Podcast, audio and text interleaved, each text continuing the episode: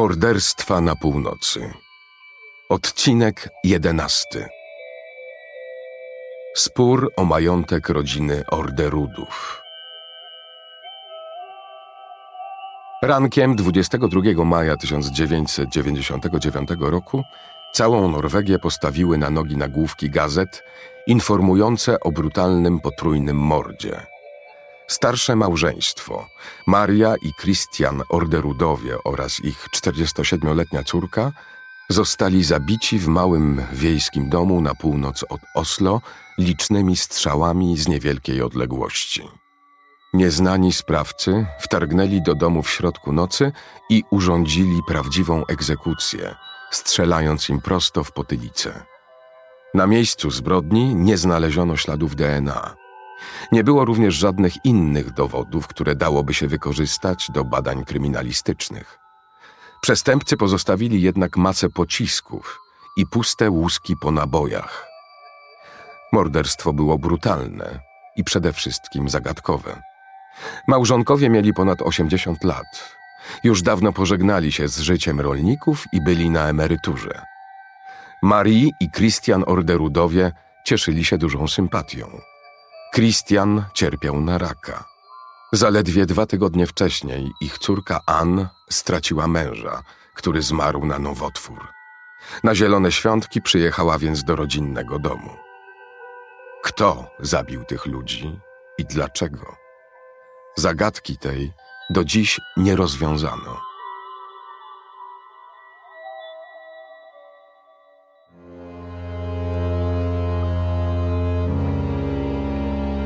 Słuchasz Morderstw na Północy. Serii podcastów o najgłośniejszych morderstwach Skandynawii.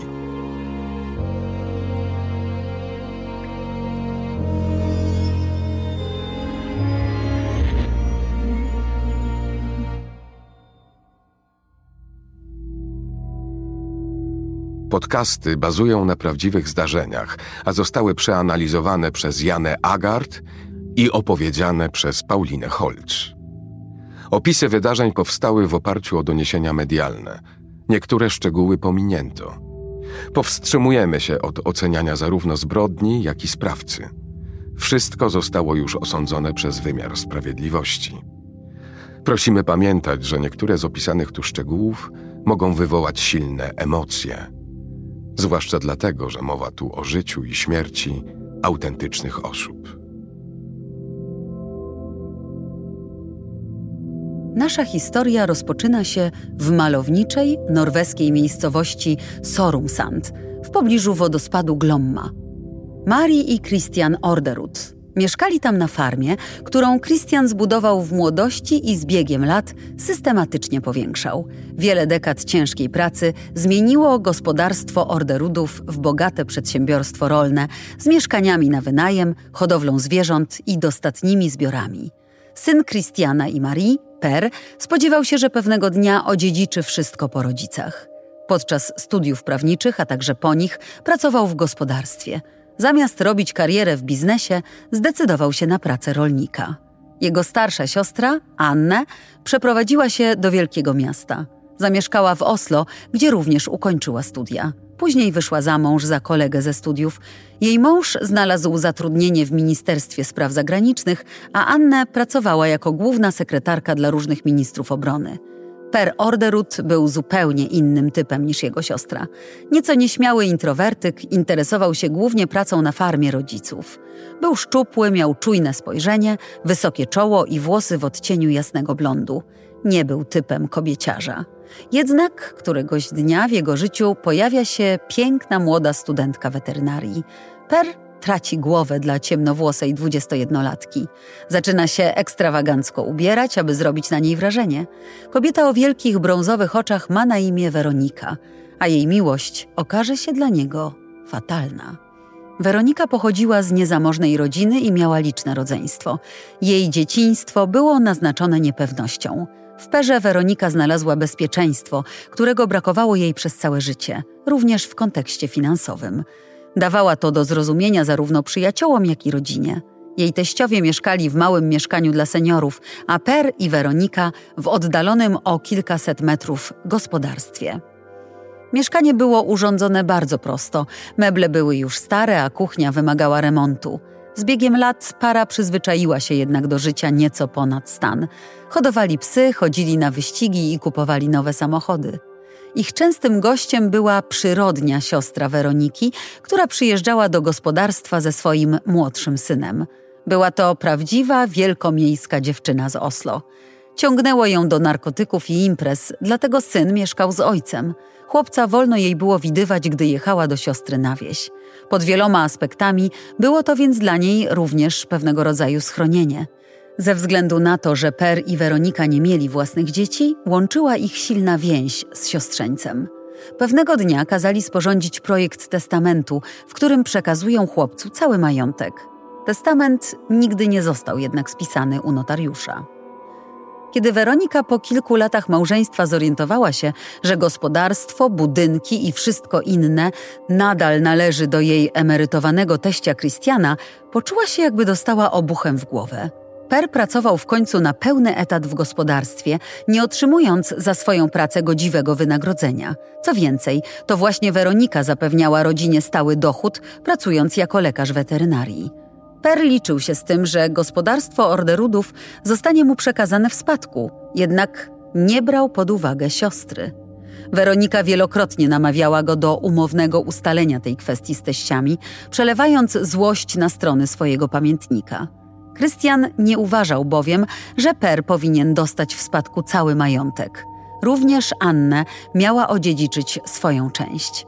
Co więcej, Christian zażądał, by Per spłacił Annę jej część spadku w wysokości 1,2 miliona koron norweskich.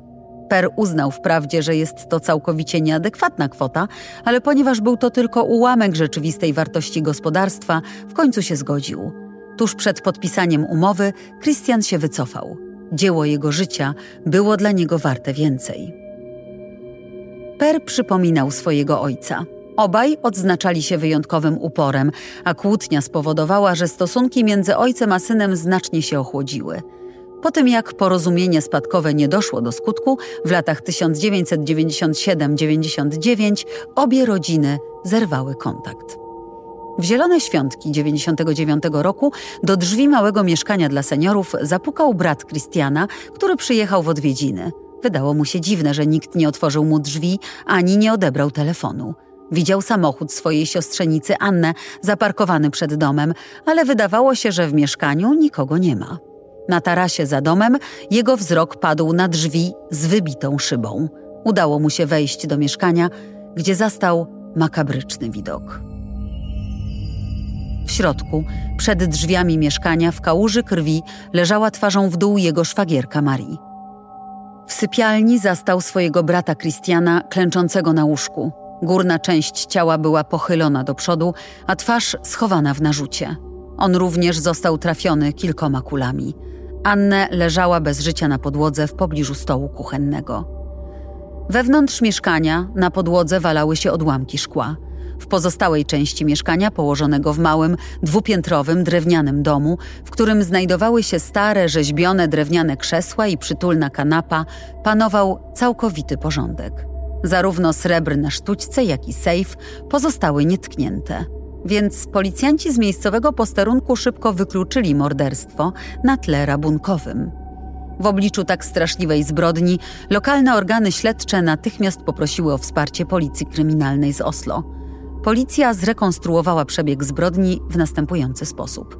Sprawcy, których było prawdopodobnie dwóch, weszli do mieszkania przez drzwi tarasowe – Najpierw postanowili pozbawić życia Krystiana, który został postrzelony w klatkę piersiową z pistoletu o kalibrze 38. Być może udało mu się usiąść w łóżku, zanim kula trafiła w jego ciało.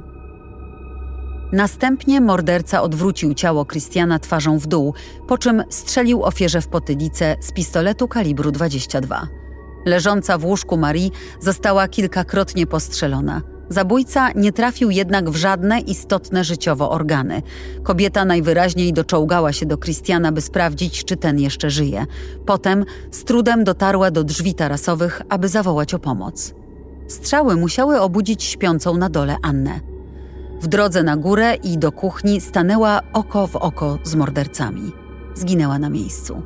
Wychodząc z domu, sprawcy odkryli, że Marie wciąż żyje. Próbowali ją dobić strzałem w tył głowy. Ponieważ kula tylko musnęła głowę, kobieta nie zmarła od razu. Żyła jeszcze przez kilka godzin i powoli wykrwawiała się na śmierć. Morderstwa były precyzyjnie zaplanowane. Jedynymi dowodami znalezionymi na miejscu zbrodni były puste łuski po nabojach, pocisk w parkiecie i fragment odcisku podeszwy buta na kawałku rozbitego szkła leżącego wewnątrz przed drzwiami. Sąsiedzi niczego nie widzieli ani nie słyszeli. Otaczający posiadłość teren został dokładnie przeszukany przez funkcjonariuszy z psami tropiącymi. Nie znaleziono jednak niczego podejrzanego, poza pomarańczową, wełnianą skarpetą.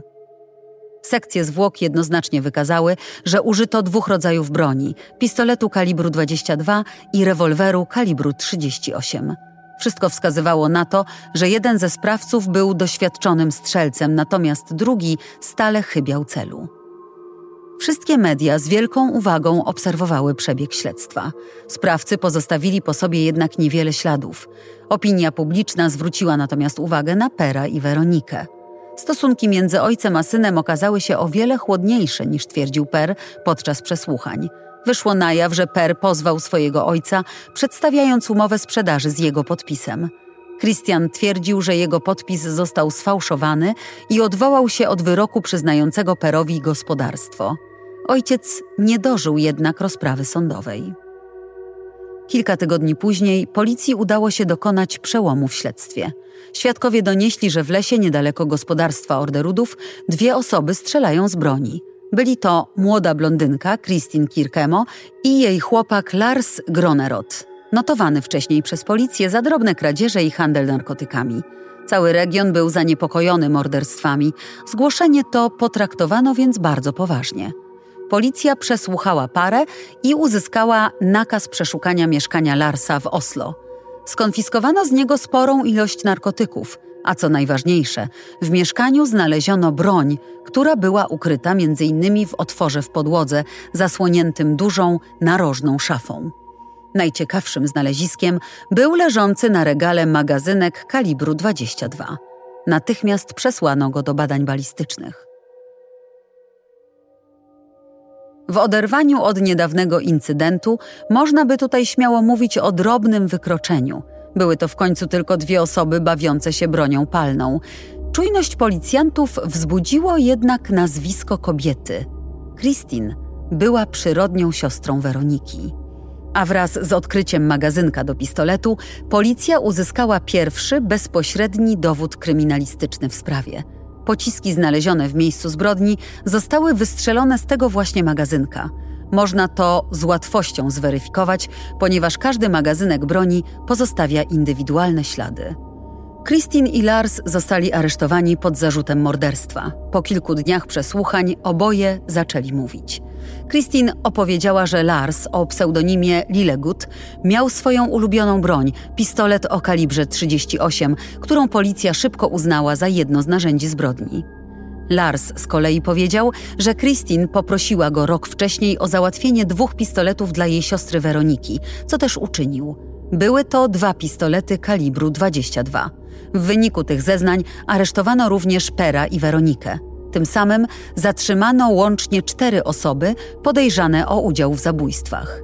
Nie udało się jednak w dalszym ciągu ostatecznie wyjaśnić, kto z nich był faktycznym mordercą i kto oddał śmiertelne strzały.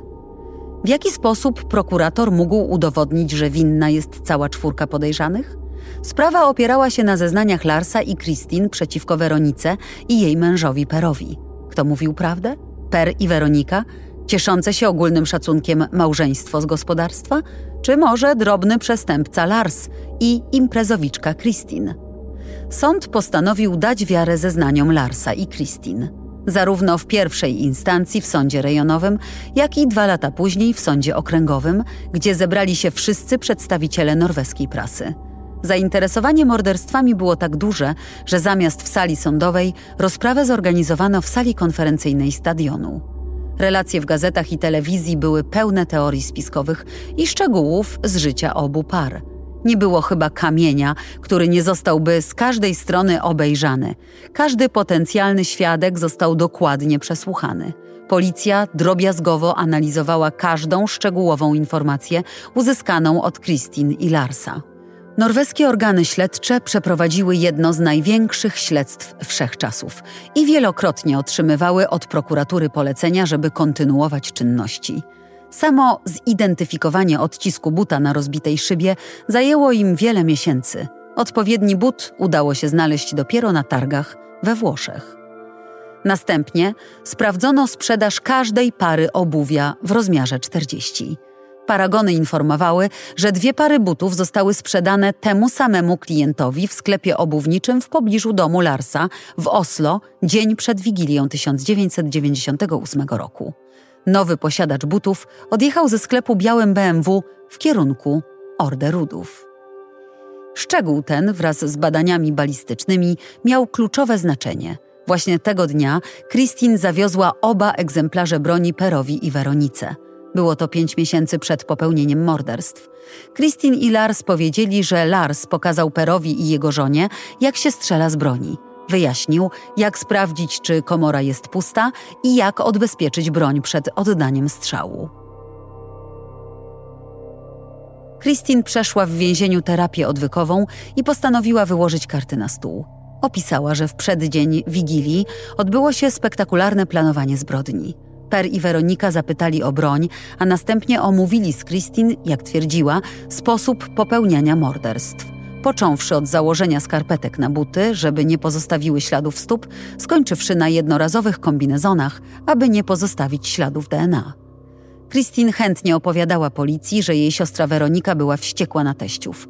Któregoś razu Christine zapytała Pera, dlaczego jego rodzice mają umrzeć z powodu gospodarstwa. Podobno Per zadał jej wtedy pytanie: Czy naprawdę nie zdajesz sobie sprawy, jak poważna jest to sprawa?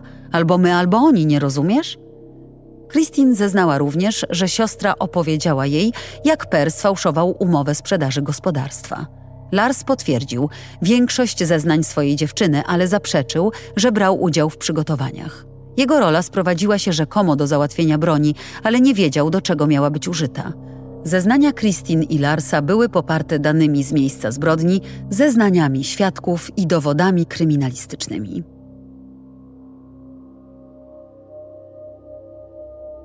Dwudziestego 22 czerwca 2001 roku, dwa lata i jeden miesiąc po popełnieniu morderstw, ogłoszono wyroki. W sądzie rejonowym dano wiarę zeznaniom Larsa. Ukarano go więc wyrokiem dwóch i pół roku więzienia za współudział w morderstwie. Trzej pozostali oskarżeni otrzymali maksymalny możliwy wyrok 21 lat więzienia za współudział w morderstwie. Christine Per i Weronika złożyli odwołanie, a para wynajęła własnego obrońcę, któremu udało się później obalić wyniki policyjnego śledztwa. Per kłamał na wielu rozprawach również w sądzie pierwszej instancji. O sfałszowanej umowie sprzedaży, o złej sytuacji finansowej małżeństwa, o posiadaniu broni, o niesławnym dniu przed Wigilią i o wielu innych okolicznościach. Na przesłuchaniach Per i Weronika nie sprawiali wrażenia osób wiarygodnych. W swoim pamiętniku Weronika wielokrotnie przeklinała upór teścia. Napisała m.in.: Wiem, że to grzech, ale życzę im po prostu śmierci.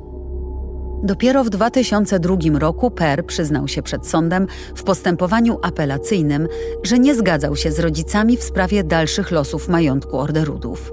Przyznał się do podrobienia umowy i opowiedział, jak za pomocą papieru śniadaniowego skopiował podpis ojca ze starej decyzji podatkowej. Co więcej, Per wyznał w sądzie, że już wiele lat przed morderstwami był z ojcem w złych stosunkach. Jednak zarówno on, jak i Weronika twierdzili, że są niewinni. Weronika była przedstawiana przez prasę jako podżegaczka, której udało się przekonać swojego głupiego i łatwowiernego męża do pozbycia się teściów, aby przejąć ich majątek.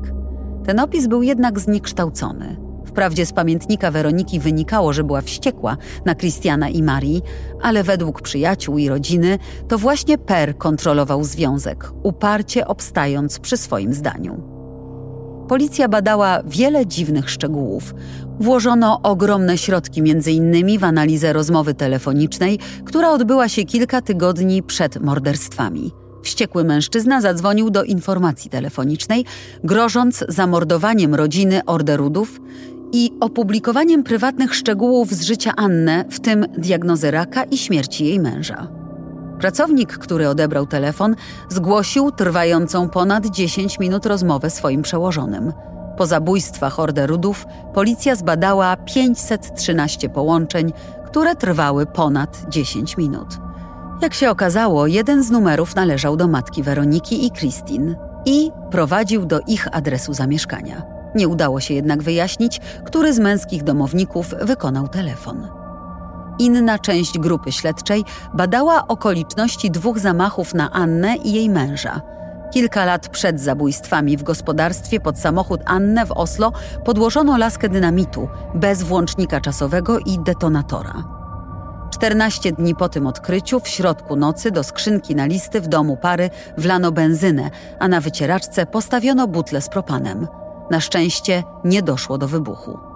Te dwa zamachy doprowadziły jednak do tego, że para na początku ukryła się w mieszkaniu w Oslo, a następnie zgodziła się wyjechać w delegację do Stanów Zjednoczonych. Pomimo żmudnych poszukiwań, policji nie udało się ustalić sprawców. Annę i jej mąż wrócili do Norwegii w 1998 roku. Rok później mąż Annę zmarł na raka, a ona sama została zamordowana z zimną krwią. Policja natrafiła teraz na kilka notatek, które Annę napisała na temat przesłuchań policji w tajemniczych sprawach dynamitu i benzyny. Poproszono ją i jej męża, aby spisali nazwiska wszystkich osób, którzy mogliby usiłować ich zamordować. Annę napisała: Najsilniejszym motywem jest dla mnie spadek. Kobieta chciała innymi, aby znaczna powierzchnia rolna gospodarstwa została podzielona na działki, co spotkało się z totalnym niezrozumieniem ze strony Pera. Śledczy zaczęli badać powiązania ataków na Annę z morderstwami w rodzinie Orderudów. O podłożenie dynamitu podejrzewano Christine, a w kręgach przestępczych krążyła plotka, że dynamit kupił Lars. Ale czy Per i Weronika byli inicjatorami tych incydentów? Ani Christine, ani Lars nie mieli żadnego wyraźnego motywu, by skrzywdzić Annę lub jej męża. Po dziesięciu tygodniach procesu sądowego, w ramach postępowania apelacyjnego, ława przysięgłych ponownie postanowiła uwierzyć Christine i Larsowi, a nie Perowi i Weronice, którzy wciąż zmieniali swoje zeznania. Per był wielokrotnie przyłapywany na kłamstwach i wymówkach. Na początku powiedział, że właściwie słabo zna chłopaka swojej szwagierki, natomiast później zeznał, że dzwonił do niego ponad 30 razy i rozmawiał z nim nawet pół godziny przed morderstwami. Christine dopiero na późniejszym etapie śledztwa podała, że ma alibi na noc morderstwa. Jeździła rzekomo z koleżanką, która rozwoziła gazety w Oslo. Kwestią sporną było jedynie to, czy ona sama znajdowała się w samochodzie koleżanki, który jeździł tej nocy po Oslo, czy był to tylko jej telefon komórkowy. Per i Weronika przedstawili różne wyjaśnienia swoich działań tej nocy. Najpierw twierdzili, że byli w drodze, później, że zostali w domu. Sąsiedzi zeznali, że tej nocy nie widzieli ich samochodu w garażu.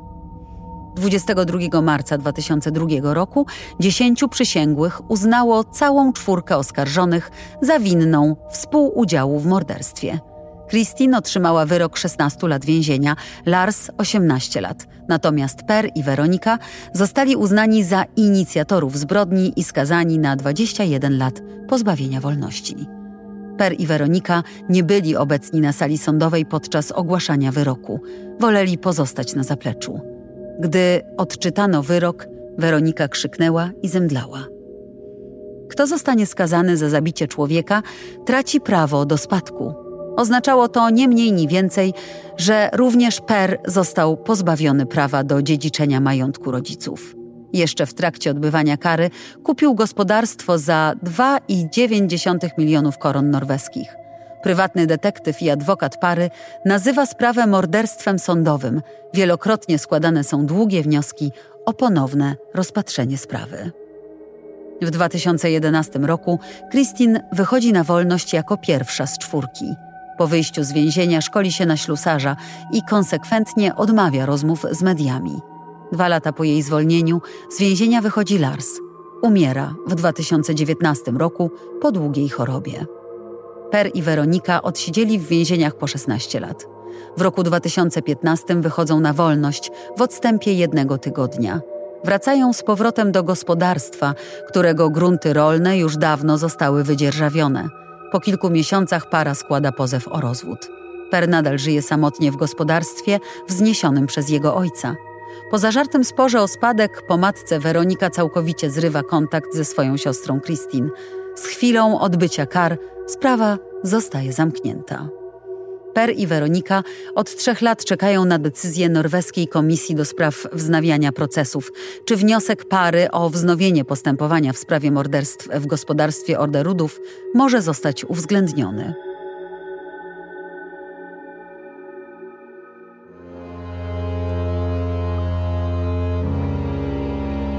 Wersja polska, tłumaczenie i realizacja nagrań Roboto Sound. Czytała Paulina Holz.